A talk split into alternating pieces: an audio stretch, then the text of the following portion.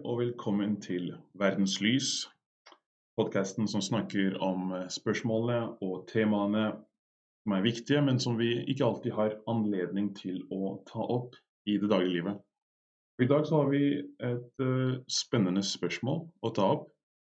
Et spørsmål som uh, mange tenker på og lurer på, men ikke alltid har mulighet til å diskutere det. Og det er spørsmålet rundt evig liv. Så dagens tittel er evig liv eller evig tull. Og det er mange verdenssyn som er ute og går når det gjelder spørsmålet rundt det som skjer etter døden. Livets spilleregler det er slik at man kun finner ut hvilket syn som er den riktige, først etter døden. De aller fleste av oss de, de kvier seg med god grunn til å tenke på det som skjer etter døden. Og det er veldig forståelig, fordi man vil ikke tenke på det. Det er ekkelt, og det er rart. Men til syvende og sist så er det kun en utsettelse av spørsmålet. Og spørsmålet vil jo komme tilbake, tilbake senere i livet.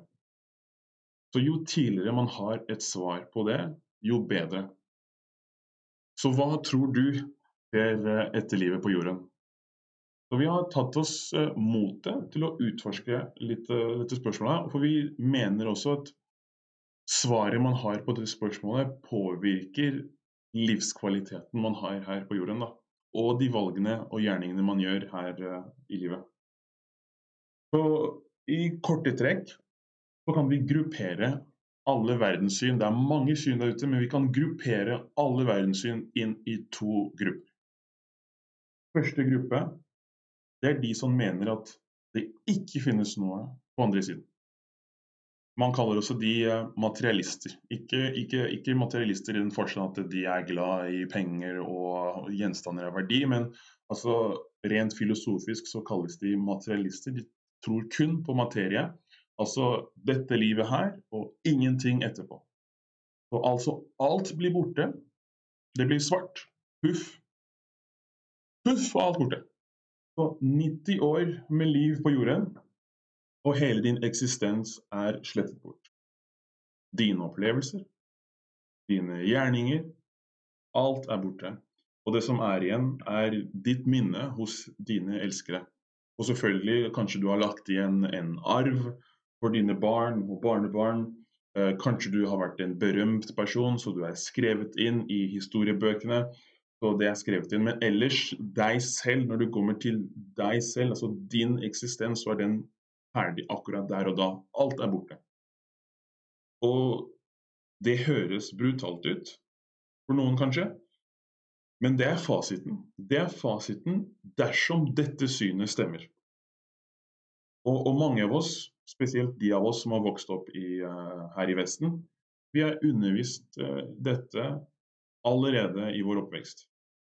Fordi dette synet det kommer som en direkte konklusjon dersom man i utgangspunktet mener at vår eksistens skjedde av en ren tilfeldighet.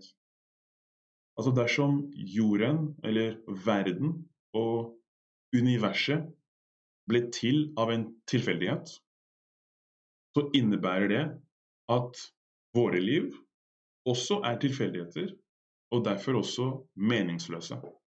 Fordi Hvis universet er tilfeldig, så betyr det at alt som universet inneholder, også er tilfeldig. Det er en implikasjon. Så det spiller altså ingen rolle hva vi gjør. Vi ble til ut av ingenting, og etter oss så blir det ingenting.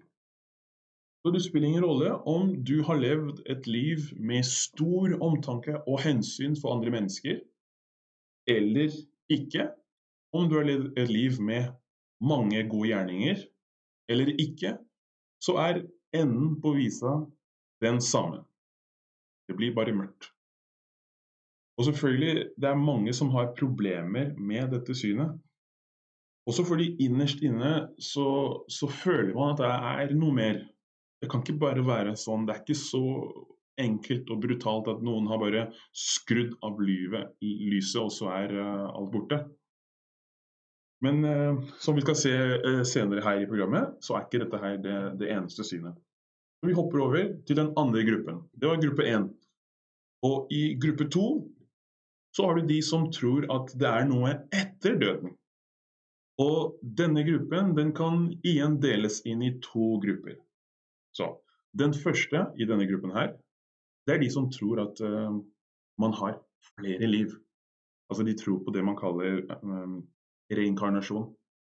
Det vil si at man kan komme tilbake til jorden under en annen form, eller som et annet menneske etter døden. I, og dette går i en evig sirkel som ingen av oss vet når ender. Og selvfølgelig, når du kommer tilbake hit til jorden, så husker ikke du ditt gamle liv, ikke sant? For det er jo de, de, aller, de aller fleste av oss går ikke rundt uh, med minner eller tanker fra antikken og middelalderen. Du husker ikke at du har vært der før.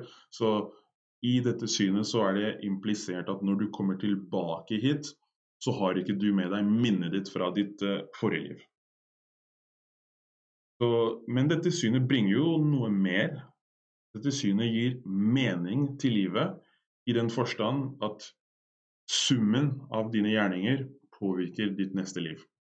Altså, du kan bli gjenfødt til noe bra eller til noe mindre bra, avhengig av hva du har gjort, eller hvor god eller ond du har vært. Så spørsmålet er jo også hva defineres som ondt, og hva defineres som godt? Og hvem er det som avgjør hva som er godt og ondt? Og Den eh, andre utfordringen den er veldig lik som i første, den første gruppen. Det er at eh, ja, du kan utsette alt. og Det betyr at uh, livet til slutt også er meningsløst. Du kan utsette alt du ikke gjør nå, til ditt neste liv.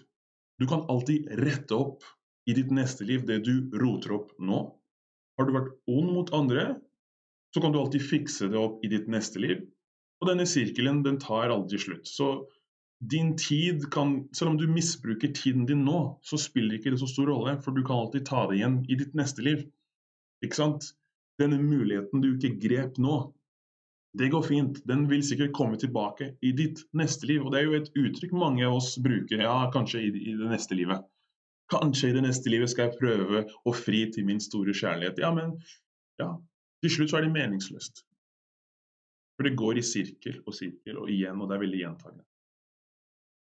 Så siste gruppen som vi skal uh, utforske, det er de som mener at det finnes et liv etter døden. Og her er denne gruppen skal bruke mest uh, tid på, også fremover i denne kanalen her.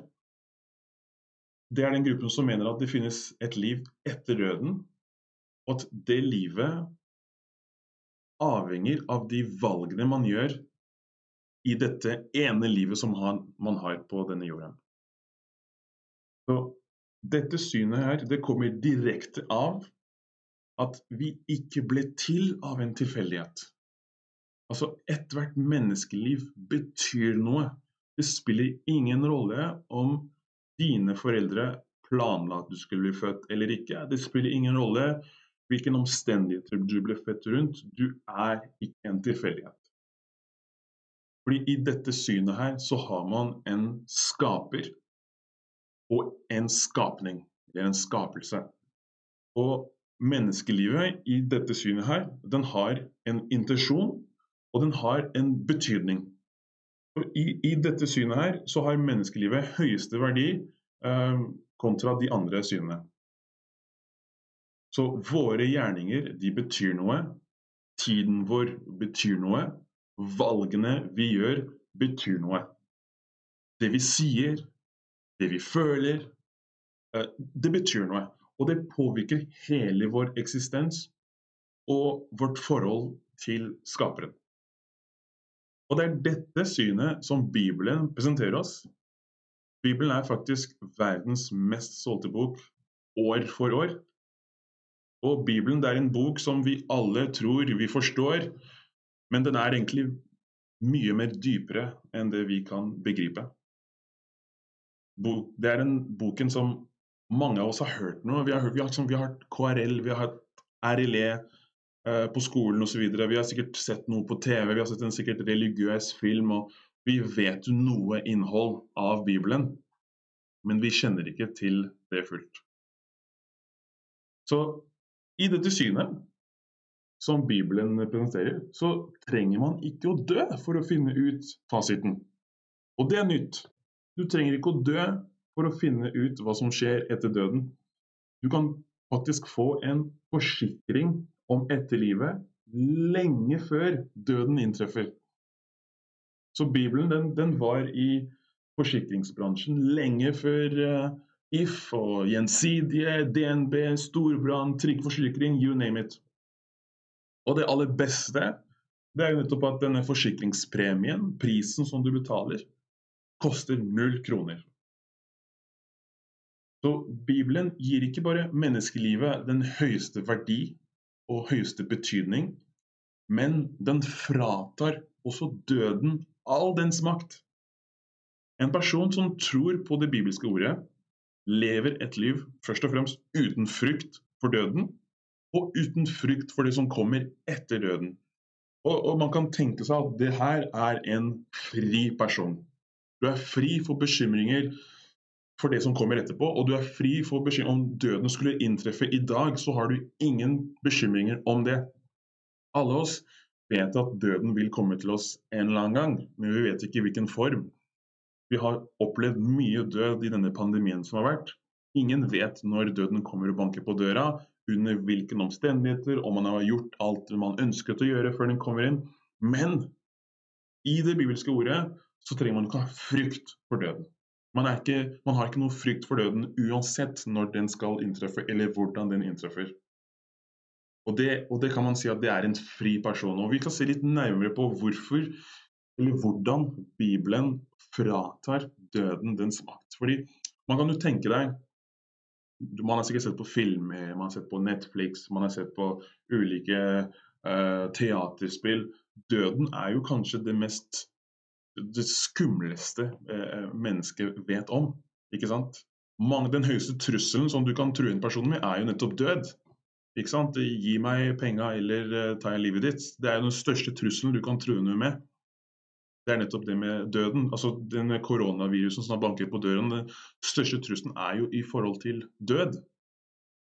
Ikke sant? Men når man tror på det bibelske ordet, så lever man da et liv uten frykt for døden. Og det er en stor, stor befrielse.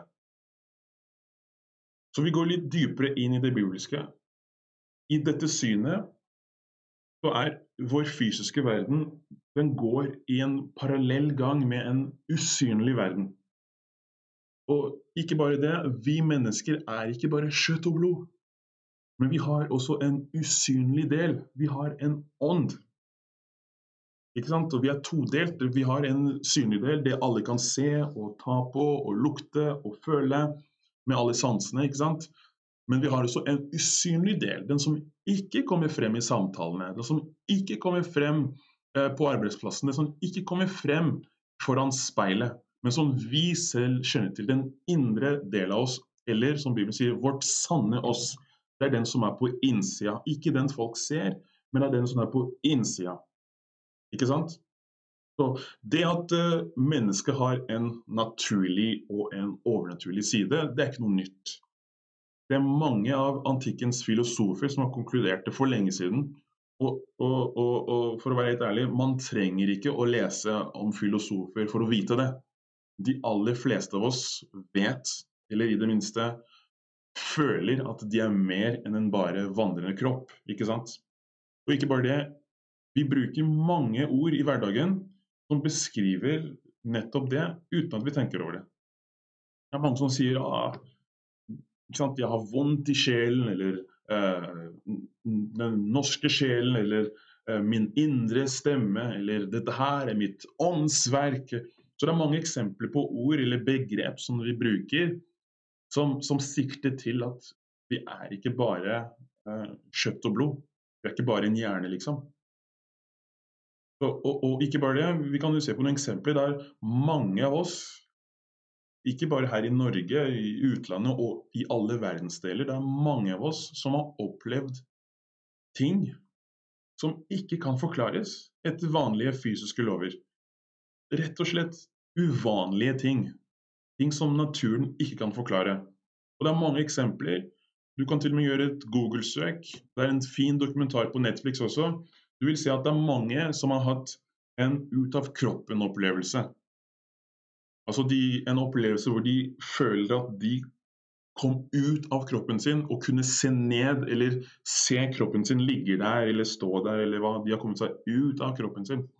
Og det her er vanlige mennesker som du og meg, som jobber og utdanna og har barn og er gift, og ikke mennesker som kanskje har noe rart i pipa si. ikke sant? Så De har opplevd at de kommer ut av kroppen sin, og det er veldig ofte i, i forbindelse med en uh, nær døden-opplevelse. Uh, at de, altså det, så du kan se at det er folk som har kanskje vært i en bilulykke og har blitt kjørt inn til sykehuset. De er bevisstløse, og de ser um, leger som opererer dem. Og etterpå så vil de fortelle at de var til stede i det um, operasjonsrommet, og de hadde et syn ovenifra og så alt det legene gjorde.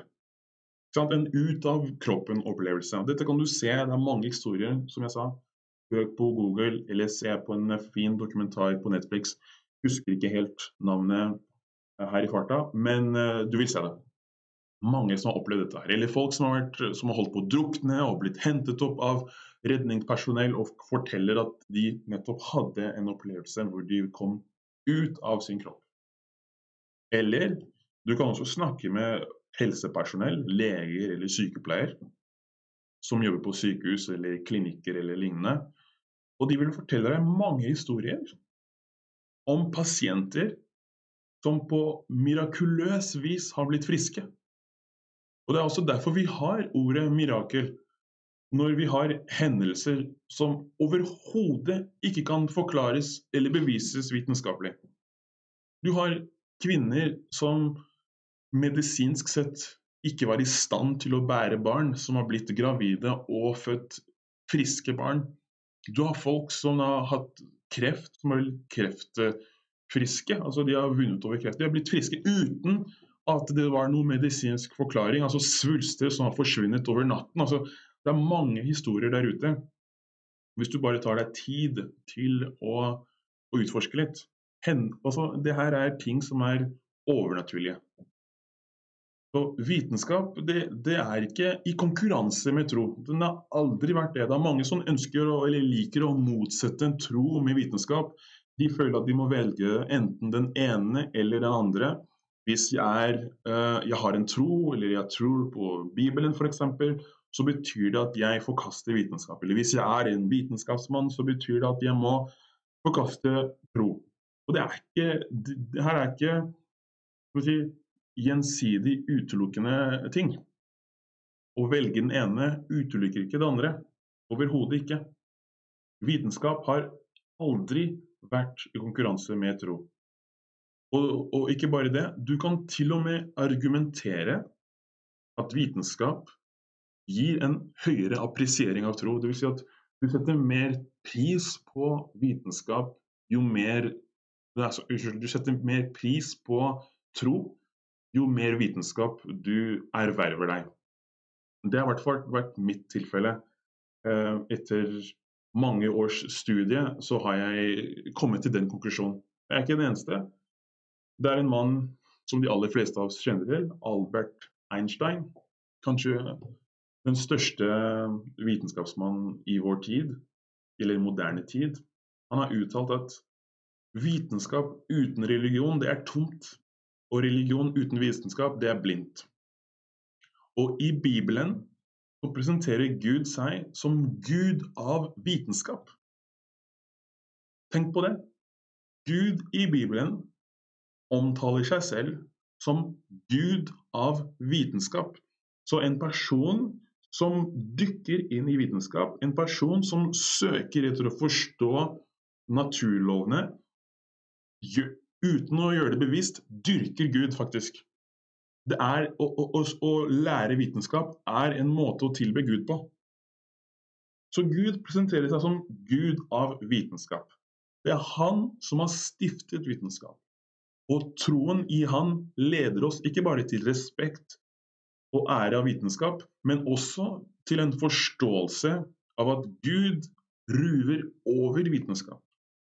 Gud er ikke begrenset av vitenskap, så de naturlige lovene som vi har, det er faktisk Gud som har stiftet dem til å sette orden i naturen. Og de, de av oss som finner glede i å observere naturen og universet og skapelsen og, og, univers, og Så du vil, du vil se at universet er så ryddig. Altså, ting er ikke tilfeldig. Alle de konstantene som vi har i fysikken, det, det, er, det, er, det er, en tanke som ligger bak. Alt er finjustert til den minste grad. Så Det er uh, en ting å, å, bemerke seg. Gud er ikke begrenset av vitenskap. Så Hvis du vil tenke mer på Einstein, så har han også sitert eller han, han har også sitert og sagt at jo mer jeg studerer vitenskap, jo mer tror jeg på Gud. Nå vil jeg ikke si at Einstein er vår referanse til troen på Gud eller ikke. Du trenger ikke Einstein for å tro på Gud. Du kan finne ut det spørsmålet selv. Men det verste du gjør, er å la andre definere det spørsmålet for deg. Du kan, at altså, Ditt svar på Guds eksistens avhenger av hvilken kultur eller samfunn du lever i. Det ville vært en stor feil. For ja, i det norske samfunnet for mange år siden så var det vanlig at folk trodde på Gud, og nå har det kanskje blitt mer uvanlig. Men hvis det er et såpass viktig spørsmål, så tror jeg det, man gjør en stor feil i å la folkemengden eller folkestrømmen um, avgjøre det. Det er et personlig spørsmål som man må svare på selv, eller i hvert fall et personlig quest som man må gå ut på selv for å finne ut om Gud, eller søke etter ham. Det er faktisk et søk man bør uh, gjøre selv. Og Hvis jeg skal ta et eksempel til som, skal, som, viser til at det er mer enn bare den fysiske verden. Det er veldig mange av oss som har hatt si, spesielle drømmer, underlige drømmer, om ting eller hendelser som har vist seg i å gå i oppfyllelse. Nå snakker ikke jeg bare om at ja, du er forelsket i en jente, og så drømmer du at du skal gifte deg med henne, og så har dere blitt gift. Nei. Men jeg snakker om spesifikke ting. Kanskje du har drømt at du kom til å miste jobben, og så skjedde det kort tid etterpå, uten at du hadde noen grunn for det. Eller du har, skjedd, du har drømt om noe, og det skjedde på nyhetene. Altså en hendelse som er um, ikke direkte knyttet til ditt liv eller dine aktiviteter. Du har kanskje drømt om en hendelse, og så har du sett på TV at det har skjedd. Du har drømt om ting som har gått i oppfyllelse, og så har du bare sittet der med en merkelig déjà vu-følelse. Har, har, jeg vært i den situasjonen før? Har jeg sett det før? Så I korte trekk vi er mer enn kjøtt og blod. Vi har også en ånd, og det er den delen av oss som lever videre i evig samvær med vår skaper. Og I uh, kommende programmer kommer vi til å se dypere inn i Bibelens budskap. Men i mellomtiden så vil jeg oppfordre du som er lytter, til å gjøre deg kjent med Bibelen og dens innhold. Det spiller ingen rolle om altså, hvilket verdenssyn du har akkurat nå, eller hvilken tro du har nå. Det spiller ingen rolle. Selv ut ifra et kultursperspektiv så tror jeg at uh, Bibelen er en såpass viktig bok i menneskehistorien at en bør få med seg det innholdet. Og Bibelen har et usminket budskap om oss mennesker. Den sminker ikke på noe. Den er ikke rund rundt kantene. altså Der den kaller en spade for en spade, der vi mennesker er onde. altså Det, det er en, en bok å, å, få med seg, og du vil lære mer om deg selv når du leser denne boken. Og hvis du er blant de som har lyttet og tenkt at vet du hva, jeg har bestemt meg. I've made up my mind. Jeg ønsker å vite litt mer om det med evig liv og, og det som Bibelen omtaler jeg ønsker å få det evige livet. Um, da vil jeg bare si til deg at det, det, mest kjente verset i Bibelen, det er lydet som følger. For Gud har elsket verden så høyt at han ga sin eneste sønn for at alle som tror på han, ikke skal gå fortapt, men få et evig liv. Evig liv koster ingenting for oss, men det kostet Gud sin eneste sønn. Det var prisen Gud måtte betale for at alle mennesker kunne få evig liv. Og det var en ofring som Gud gjorde av kjærlighet. ikke sant? Det står at for Gud elsket verden så høyt. Det er begrunnelsen for at han ofret sin sønn. Han gjorde det av kjærlighet, slik at alle som kom til tro på ham, altså sønnen, kunne få et evig liv. Og Bibelen forteller at Jesus døde og beseiret døden. Så han sto opp fra de døde, og pga. det så frelste han alle som kom til tro på ham. Og tenk på det i et øyeblikk. Vi mennesker, uansett hvor vi lever i verden, så er vi veldig sammensatte. Når et menneske gjør en god handling eller en god gjerning, så trekker han hele menneskeheten opp med seg. Og når en menneske gjør en dårlig gjerning, så trekker han hele menneskeheten ned med seg. Det starter selvfølgelig med sitt nærmiljø, sin familie, og så sprer det seg videre. Akkurat sånn med denne pandemien. Det startet jo med et menneske eller noen få mennesker, og det har bare spredd seg over hele verden. Ikke sant? Og Du kan tenke deg eksempel. På 60-tallet så hadde ingen, eller frem til 60-tallet så hadde ingen besteget Mount Everest. Og så kommer en mann fra England, tror jeg, sammen med sherpaene som eh, bodde eh, i lokalmiljøet der. Han besteg Mount Everest. Han var den første, eller sherpaen hans, da, som han som bærer bagasjen, var den første til å bestige uh, Mount Everest. Og i dag så er det mange som har brutt den barrieren. Fordi når ett menneske har gjort noe, så har han åpnet døren for at alle andre kan gjøre det. Ikke sant? Um, hvis man går noen år tilbake, så har det ingen løpt 100 meter raskere enn 10 sekunder. Ingen hadde løpt under 10 sekunder på 100 meter. Men når førstemann gjorde det, så åpnet han muligheten for at alle andre skulle gjøre det. Så du kan tenke deg at en rekord det er en rekord for alle mennesker. Den åpner døren for alle mennesker. Den gir mulighet til en know-how til alle mennesker. Og det er dette Kristus gjorde. Han levde et perfekt liv, et liv uten synd.